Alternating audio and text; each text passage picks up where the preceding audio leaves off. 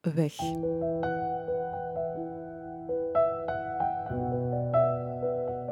Deze podcast begint omdat zoveel dingen eindigen. Omdat je onderweg zoveel kwijtraakt. Als iets of iemand wegvalt, valt er vaak nog veel meer weg. Rouwen is ook een weg die je moet afleggen, seizoenen die je moet doorlopen. Wat je verliest is weg. Daar gaat het over. Over wat was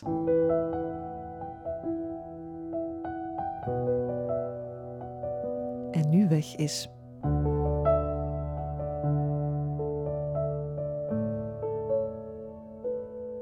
Vandaag heeft Stijn de weg gevonden. Dag Stijn. Hallo, dag Sophie. En we gaan met de deur in huis vallen. We gaan het niet over een gemakkelijk onderwerp hebben vandaag. Helemaal niet zelfs. Uh, wij delen ook iets, Stijn, wat een mens liever niet zou delen.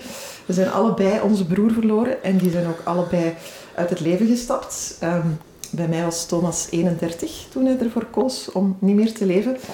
Voor jou gaat het nog een stapje verder, want Geert was jouw tweelingbroer. Uh, klopt. Uh, mijn broer Geert is uit het leven gestapt toen we 25 jaar waren.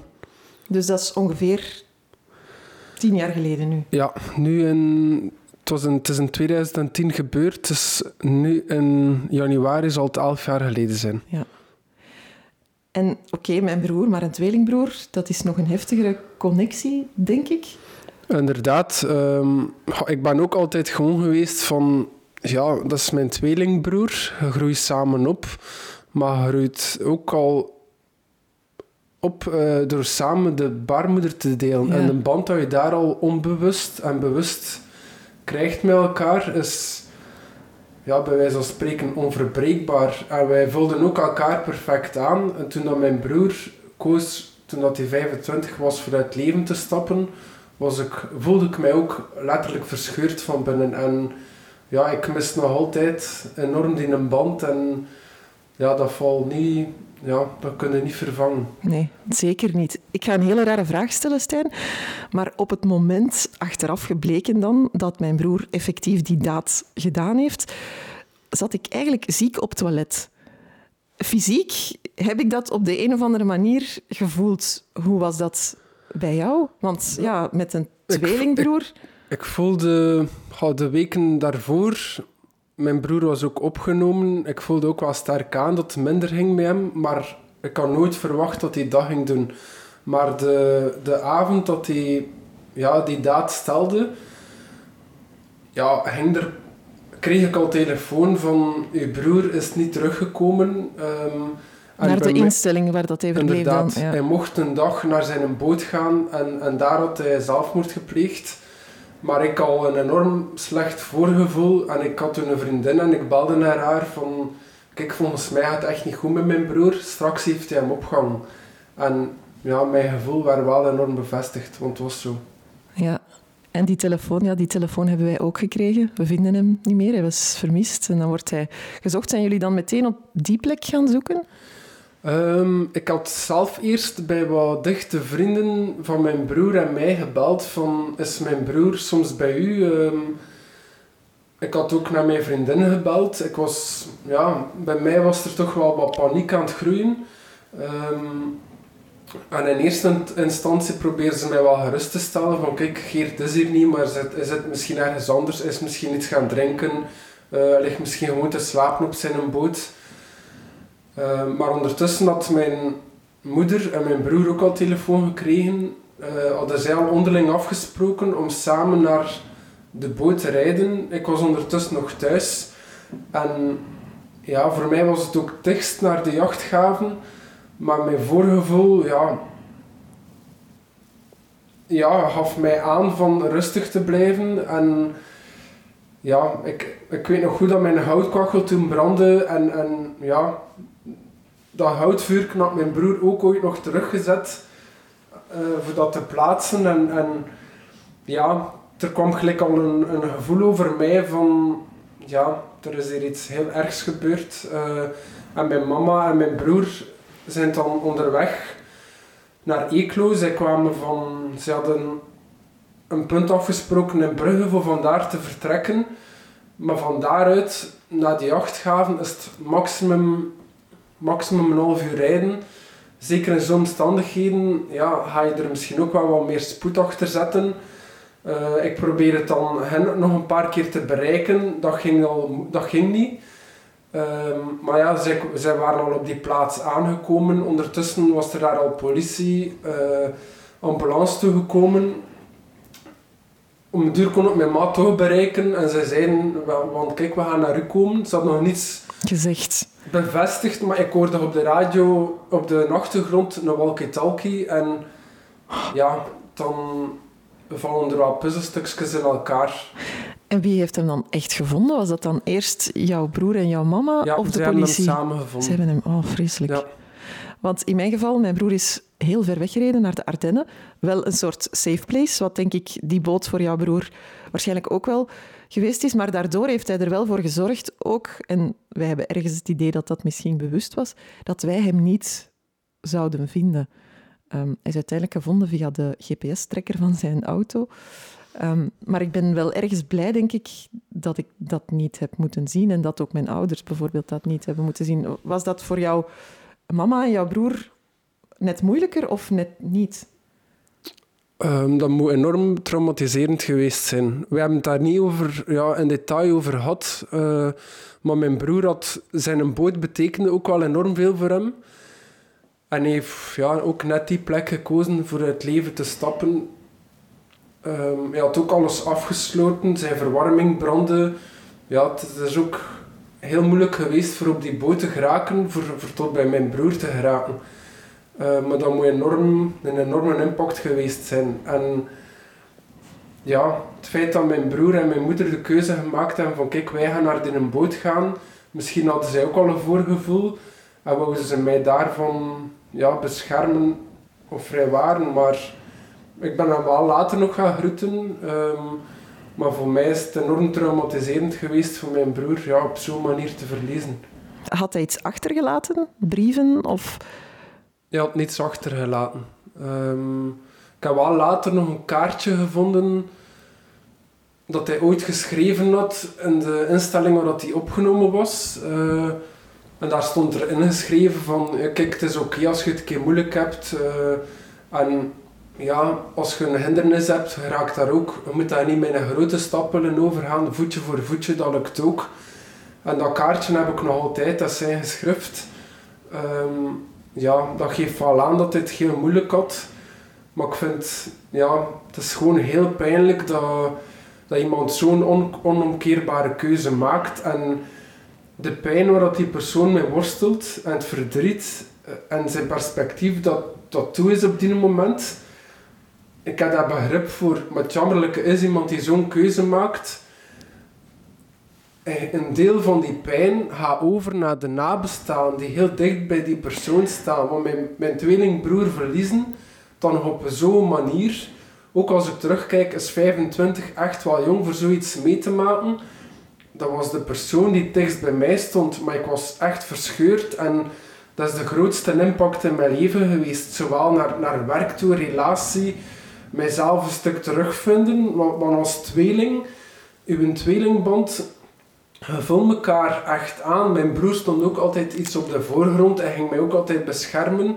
Maar ik liep letterlijk verloren. En het zijn momenten geweest dat ik ook dissocieerde.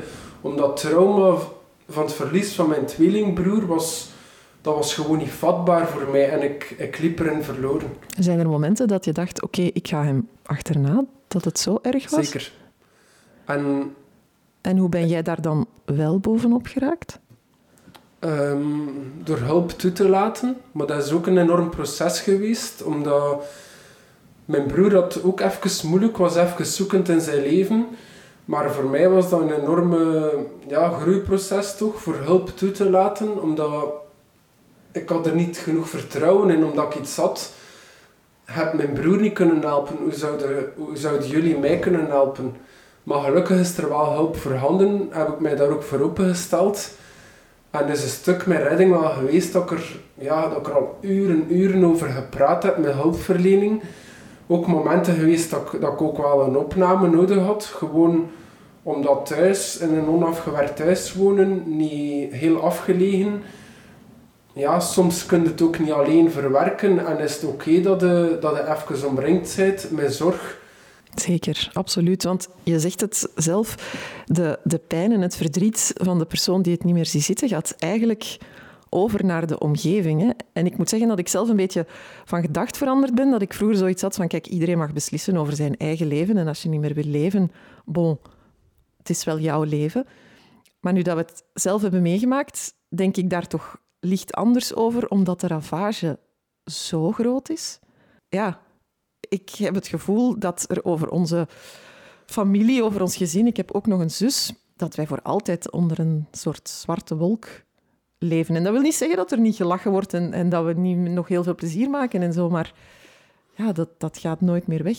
En ik denk dat dat op een manier toch anders is dan wanneer hij bijvoorbeeld een ongeval zou gehad hebben of, of een ziekte. Of, of voel jij dat anders aan? Ik kan beide nu wel een beetje vergelijken. Ik ben jammer genoeg vorig jaar mijn moeder verloren. Zij was ook maar 65, maar wel na een slepende ziekte. Ze heeft, heeft kanker gehad. Die impact is ook heel groot, maar daar kun je nog alles voor doen. Ja, maakt het van dichtbij, wordt ook al deels voorbereid, want je krijgt diagnose kanker. Dan is er, ja, zij je zogezegd genezen na vijf jaar. Plots zijn er uitzaaiingen. Moet er terug behandeling opgestart worden, maar is het eerder ja, voor de tijd te rekken dat de behandeling is, maar is, is de genezing niet meer mogelijk. En dat is ook heel pijnlijk, maar dat is, dat is inderdaad anders naar verwerking toe. Je kan afscheid nemen. Je kunt afscheid nemen. Ik heb, ja, ik heb de laatste zorgen aan mijn mama mogen geven. Dat is heel persoonlijk, intiem. Ik heb nog laatste intieme gesprekken gehad. Ik heb er nog alles uitgehaald wat erin zat. En iemand zien wegkwijnen. Om een ook, heb ik ook iets van... Ja, zo kan het ook niet verder. En tuurlijk wil ik er alles, wil ik er alles voor teruggeven voor mijn mama hier naast mij te hebben. Maar dat is jammer genoeg deels van het leven. Jammer genoeg veel te vroeg, maar iemand, een dierbare die zo dicht bij u staat, of een vriend, op zo'n manier kwijtgeraken, dat is zo onnatuurlijk. En de keuze dan die mensen maken, ik ben ervan overtuigd dat dat... Ik, ik heb de keuze van mijn broer wel gerespecteerd, maar die keuze is onomkeerbaar. En is vaak een keuze voor een tijdelijk probleem. Dat op die moment, ik heb het zelf meegemaakt, denkt hij niet meer rationeel, is uw perspectief toe. En zie je die oplossing niet meer. Wat dan anders soms wel kan bieden. Maar er is ook nog heel veel taboe rond hulp krijgen. Zeker bij jonge mensen. Het is van de grootste doodsoorzaken. En daar moeten we wel alles op alles voor, doen om dat, om dat te vermijden. Want die impact is zo groot. Het is wel mooi dat je zegt, het is inderdaad een, een tijdelijk probleem. Maar denk je ook dat het ooit een impulsieve daad is? Dat denk ik eigenlijk wel niet. Ik denk dat de meesten wel in een soort tunnelvisie zitten en dat je niet in een heel slecht moment plots beslist, nu ga ik het doen, maar dat er wel een proces aan vooraf gaat. Heb je dat gevoeld bij je broer? Want ik krijg heel vaak de vraag, voelde je het aankomen? Nee, ik voelde dat niet aankomen. Ja, ik had wel door dat het niet zo goed met hem ging, maar dat zijn twee heel verschillende dingen iemand die het leven stapt, dat is wat het laatste dat je aan verwacht, omdat hoort er wel over, maar dat is soms vaak voor veel mensen nog van ver van mijn bed gegeven. Maar plots komt het heel dicht en, en je weet, die persoon heeft het moeilijk, maar je probeert er wel alles voor nog te doen, maar je verwacht nooit dat hij die keuze maakt. En ik denk wel dat hij... Ja, het ging al lang moeilijker. Ja, heeft hij dat voorbereid of niet? we gaan het nooit zeker weten, maar ik denk niet dat dat een keuze is dat je zomaar maakt. Ik heb zelf ook, na het verlies van mijn tweelingbroer, heb ik ook momenten gehad van dat verlies is hier zo overheersend. Ook de impact dat dat verlies meebracht, dat voor mij ook genoeg geweest was. En, en ik, heb, ik heb er heel vaak aan gedacht. Ik heb één keer echt wel een heel serieuze poging gedaan, dat ik heel veel geluk had heb. Maar ik wil ten alle vermijden voor dat nog te doen, omdat ik voor mezelf heel vaak een herhaal dat ik een mooi netwerk rond mij heb van vrienden, familie. Ik heb ook een vriendin nu. En, en daar trek ik mij enorm aan op. En het is belangrijk, want in de huidige ja, wereld wordt er via de sociale media wordt er vooral alleen maar positieve belicht. Hoe, hoe goed dat met iedereen gaat, maar is het bijna... Ja, is echt wel de minderheid die durft uiten van het gaat hier echt... Het gaat hier niet goed met mij en, en ik heb hulp nodig. Ik heb hier gewoon iemand nodig die naast mij zit en die laat weten, kijk, ik ben er, als ik iets kan doen. Kunnen ook samen een keer een wandeling doen of een theetje drinken. Maar netwerk is in omstandigheden, als je het moeilijk hebt, enorm belangrijk. Heel belangrijk. Waar komt dat taboe toch vandaan, vraag ik mij af. Want ik kan niet spreken voor jouw broer, maar wel voor de mijne. Zijn netwerk was gigantisch, maar hij heeft dat netwerk wel eigenlijk één voor één alle deurtjes toegedaan. En dat hoor je heel vaak, dat mensen zich dan soort van afsluiten. Waarom praten we daar zo moeilijk over? Ik denk dat het ook veel moeilijker is als je het moeilijk hebt voor te uiten wat er in je omgaat. En dat soms... Het is geen gebroken been. Het is niet, oh kijk, ik heb een plaaster aan, ik heb mijn pijn gedaan. En dan ga je heel veel kaartjes krijgen, komen er mensen misschien, gelijk vroeger al de naam schrijven op je plaaster, krijg je een fruitschaal. Maar, op een gebroken hart kan je geen naamtje, naam schrijven, nee, hè? Nee, jammer genoeg niet. Ehm, maar dan is nabijheid wel belangrijk. En, en niet ene keer van, kijk, als er iets is maar dan heb je echt wel bijna dagelijks of regelmatig iemand nodig. En dan kunnen soms het verschil wel betekenen. Zeker niet voor iedereen, maar soms wel. Van kijk, ik ben er voor u. Je zij, je zijt waard voor hier te zijn. Maar ja, het is gewoon heel veel taboe rond. Maar ook, ja, we gaan door dat taboe ga je ook rapper afsluiten als je het moeilijk hebt. Dan ga je niet rap aan de noodrem trekken van kijk, ik heb hier hulp nodig, maar ga je inderdaad eerder terugtrekken in een konkon. Maar dan ja, raakt er rap in de vicieuze cirkel dat je jezelf minder gaat verzorgen op vlak van voeding, slaap. En, en raakt er nog dieper en dieper. En is het voor je omgeving, het feit dat je afsluit, heel moeilijk in te schatten van hoe gaat het met hem. We hebben er misschien al even niets meer van gehoord en vullen ze het zelf in. Maar als, ze, ja, als er geen interactie is, kun je, kun moeilijk weten hoe dat gaat met iemand. Dat is, dat is zeker waar. Dat is ook het moeilijke eraan, denk ik. Um, je zegt, ik heb uiteindelijk wel hulp gehad en dat heeft ook geholpen. Maar voor jouw broer heeft het dan weer niet geholpen, want hij was op dat moment opgenomen. Zit daar een soort boosheid in van jou, dat je denkt, verdorie toch? Of, of niet? er zat boosheid in. Nu, ik, ben, ik heb dat ook al, al deels verwerkt, maar dat was ongeveer tien jaar geleden. Uh, nu is de, ja, in de psychische zorg zijn er gelukkig nog stappen gezet. Er worden er elke dag stappen gezet. En heb ik daar nu wel wat meer begrip voor. Maar in die periode was er voorbij, voor mij vooral woede, omdat mijn tweelingbroer was een beetje ja, iemand die leefde, die leefde op zijn boot, ja, had wel zijn vrijheid nodig, had ook wel veel talenten. Eh, hij kon lassen, elektriciteit, sanitair, was sociaal. Was iemand die heel veel levenskracht had, maar had gewoon even een moeilijke periode.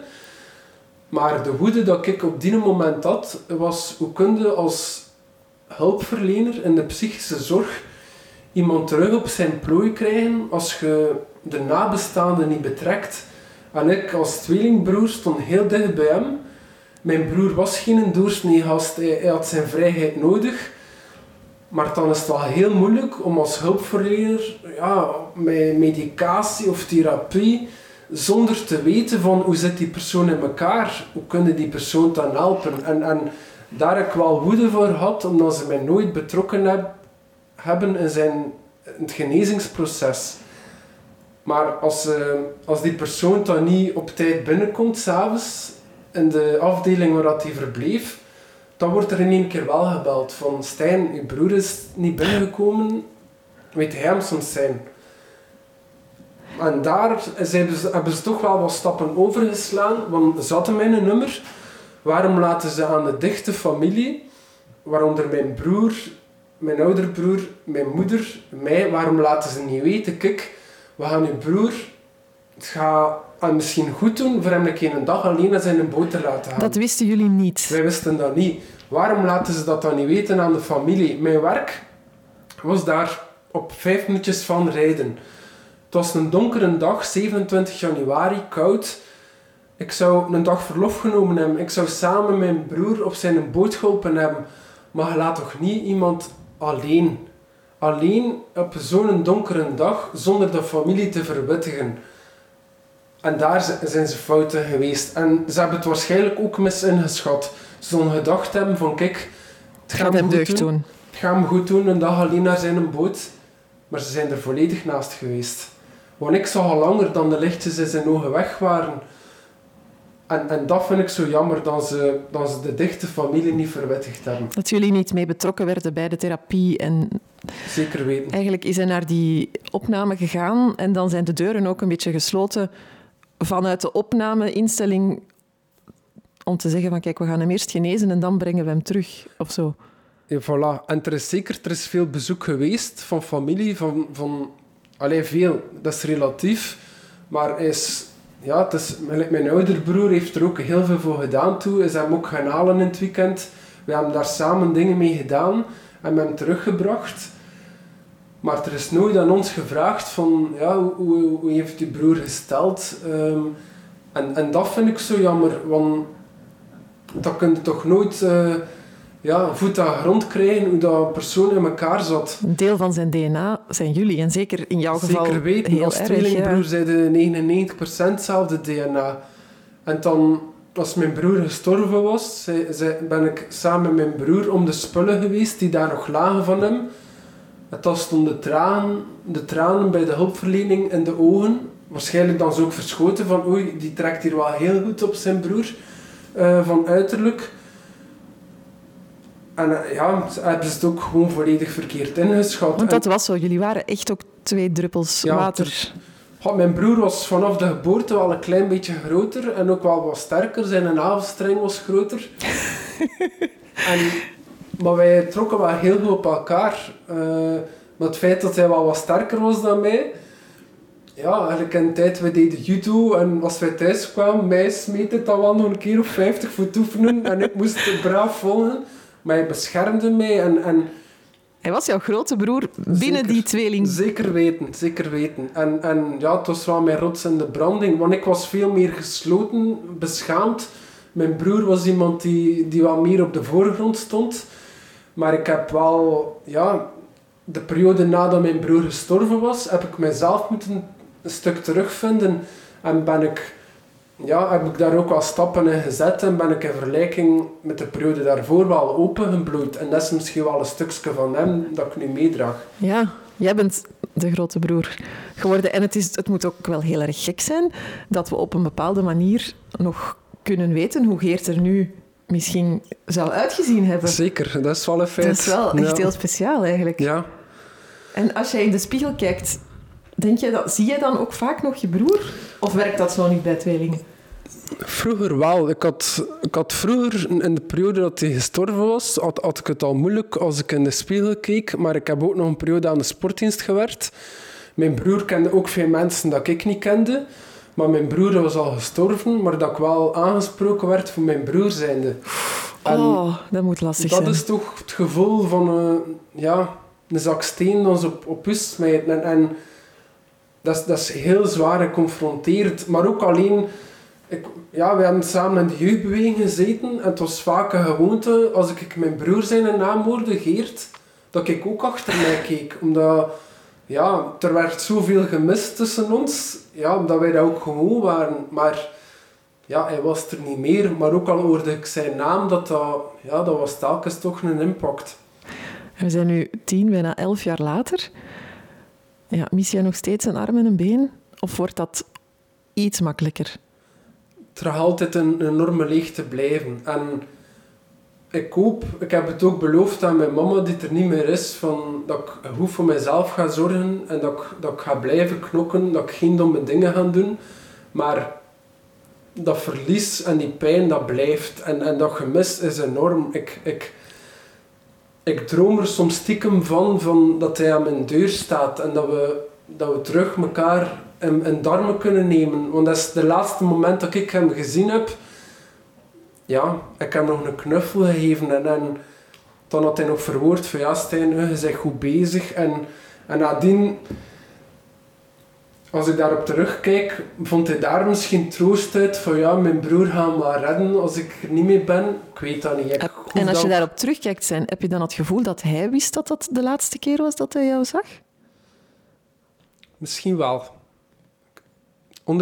100% maar misschien wel als ik daarop terugkijk. Maar ja, het is ook omdat hij het zelf invulde en dat zijn perspectief toe was. En dat zit een soort tunnelvisie en zie je niet meer zijn oudere broer, zijn mama, zijn, zijn maten, zijn tweelingbroer. Dat moet wel, hè? want als je beseft hoeveel pijn je die mensen gaat doen, dan, dan kan je die stap toch gewoon niet zetten.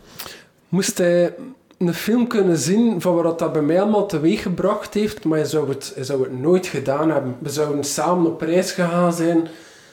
We zouden samen aan een vuurschaal gezeten hebben, samen lekker eten gemaakt.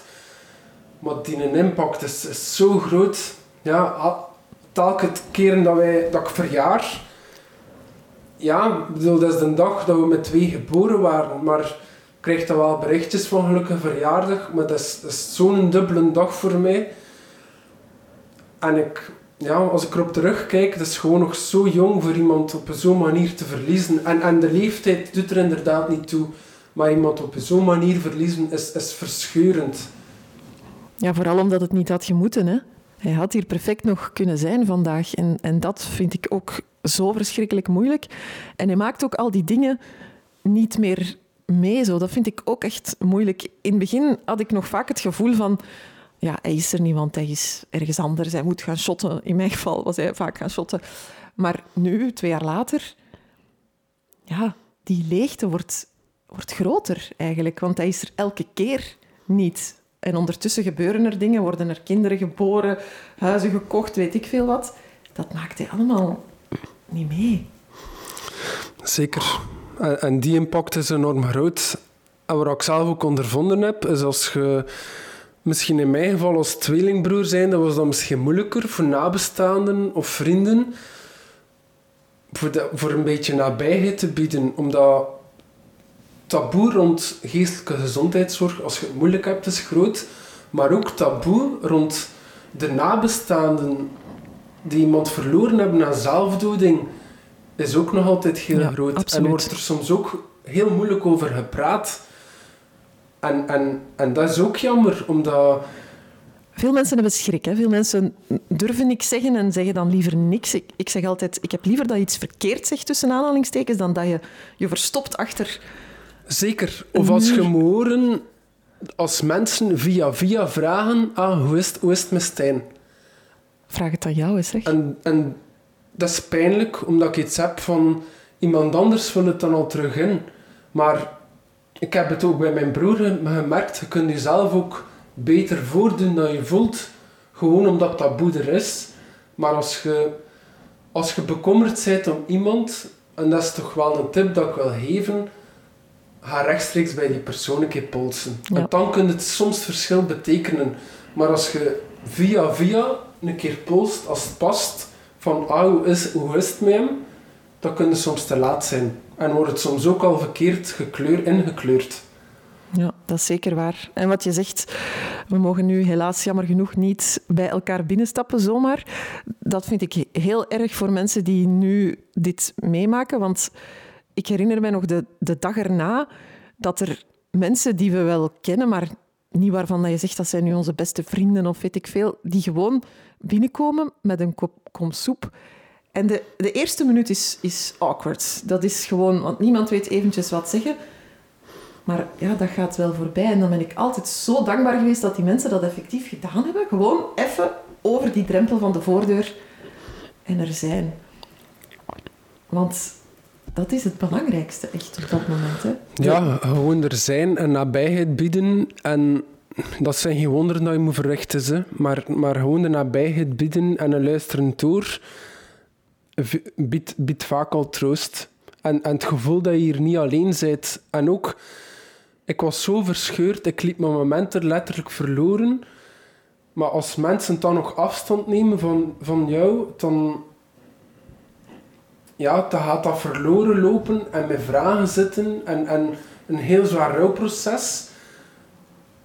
ja, om een duur ging dat over bij mij in periodes van dissociëren, waardoor dat de afstand met mijn netwerk nog groter werd. En, en zat ik in een enorme vicieuze cirkel, waar dat ik heel moeilijk nog kon uitgeraken. Heb je daar met je mama over kunnen praten? Want zij moet, denk ik, als moeder zelf zijnde, ongelooflijk veel angst gehad hebben om jou ook kwijt te raken. Zeker. Um, ik heb, zeker als ik daarop terugkijk, moet mijn mama heel veel zorgen in mij gehad hebben. Zij, had, zij heeft bijvoorbeeld ooit aan mijn geburen gevraagd. Mijn mama kwam ook wel regelmatig in mijn huizen of, of bracht wat eten mee voor mijn kippen. Dat ze aan mijn geburen vroeg van, wilde hij een keer gaan kijken in Stijn zijn huis? Ik heb dat ook maar achteraf geweten, maar ja, de, de angst dat mijn mama had heeft, moet, moet enorm geweest zijn. Maar die angst was ook wel terecht, omdat ja, mijn mama kende mij natuurlijk door en door. En mijn mama was ook verscheurd van een kind te verliezen, maar ze was ook de angst dat zij moet, moet gehad hebben van nog een zoon te verliezen, moet enorm geweest zijn. En ja, ik wou dat mij daarvoor, ja, dat misschien anders had gelopen, maar je hoeft je daarvoor niet te excuseren, hè, Stijn? Nee. Absoluut niet? Uh, er is jou iets overkomen, net zoals er haar iets overkomen is, wat, wat onwezenlijk is en wat je gewoon... Ja, iedereen zijn weg daarin om daar... Ja, ik zeg, verwerken kan je dat volgens mij niet. Anders mee omgaan. En, en... Het draagt dan mee, want ik kreeg ook de boodschap, ik was aan het werk ook, van, uh, dat was nog maar twee weken gebeurd. Uh, door die zelfdoding is dat ook niet allemaal zo rap te regelen. Dat lichaam was ook verzegeld. Dus dat zijn dingen die er nog eens bij komen, hè? absoluut. Zeker. Um, dus het was twee weken totdat, totdat ik begon te werken terug. En ik kreeg ook de boodschap van...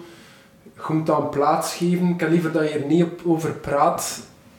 Maar dan... Ja, voelde je nog meer vervreemd van die situatie. Dat, er, dat iemand op zo'n manier zijn kwijtgeraakt. Maar het is ongelooflijk hoe rap dat je terug in een ratrace moet meedraaien. Maar ik sliep heel slecht. Ik, ja, ik viel bijna in slaap achter mijn stuur in mijn auto. Ik, ik voelde mij vervreemd van mezelf. Ik was verscheurd. Ik had twijfels over van alles en nog wat. Mijn huis was nog een bouwwerf. Um, het was niet afgewerkt. Ik woonde ook enorm afgelegen.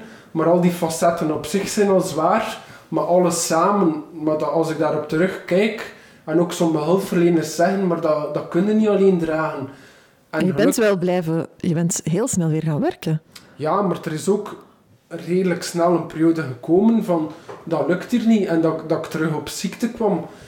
Ehm, maar natuurlijk de impact van je bent thuis omdat je aan het rouwen bent, voelde misschien op die moment voelde je misschien schuldig, maar ja, ik wil werken en, en het is ongelooflijk als je door om een of andere reden een uitkering krijgt, hoe rap dat je het gevoel krijgt, je hangt hier aan het staartje van de maatschappij omdat je geen bijdrage levert.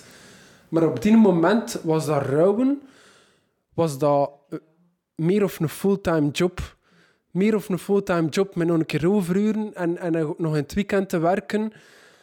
En mijn mama verwoordde dat ook zo, van, van iemand verliezen op zo'n manier. En rouwen, is, dat is zwaarder of een marathon lopen en is fysiek en mentaal zo slopend. En bij een marathon weet je nog waar de finish is. Maar voilà. bij, en bij zoiets weet je niet waar dat de finish ligt. En dan krijg je de boodschap van, eh, je moet dat loslaten, je moet dat plaats geven. Dat is heel gemakkelijk gezegd voor mensen die aan de zijkant staan. Gezegd. Ik, het is nu meer of tien jaar verder, het verlies van mijn tweelingbroer. En ik ondervind alleen maar ik kan dat niet plaatsen, ik kan dat niet loslaten. Ik draag dat alleen maar mee. En gelukkig, het leven gaat voort en er komen ook terug dingen op je pad die energie geven. En dat is heel belangrijk dat je dat toelaat. En dat je daar ook niet schuldig moet voelen. Want ik weet nog goed, de eerste keer dat ik op mijn snowboard terug stond, of dat ik in Corsica was met een maat, dat dat voor mij ook een paar dagen heel dubbel voelde. Dat ik iets had van verdomme Geert gaat hier moeten bij zijn. En dat dat dan enorm dubbel voelt. Je bijna schuldig voelt dat je aan het amuseren bent. Zeker, zeker weten. Ik, ik had dat eigenlijk al heel snel, want ja, in de dagen zelfs na zijn dood was, het, was ik bij mijn ouders en dat was daar een komen en gaan van zowel begrafenisondernemers als, als mensen die van alles kwamen brengen en, en heel veel warmte ook wel.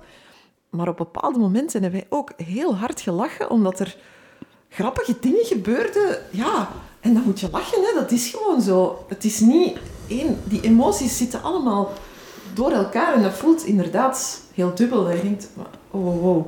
Ik was vijf minuten geleden nog aan het wenen dat mijn hoofd ging ontploffen. En nu heb ik toch even gelachen. En het is ook niet omdat je iets gelachen hebt dat de rouw voorbij is. Want dat heb ik ook wel zo bij de buitenwereld vaak van... Ah ja, maar ja, kijk, je bent nog toch goed bezig en, en je leven is weer op gang, dus what's the fucking problem? Ja. ik zie rouwen iets, dat gaat op een manier in een soort cirkel. En, en bijvoorbeeld als je op prijs gaat de eerste keer, is dat heel pijnlijk en voel je je op een manier misschien schuldig van... Tjus, Geert gaat hier moeten bij zijn.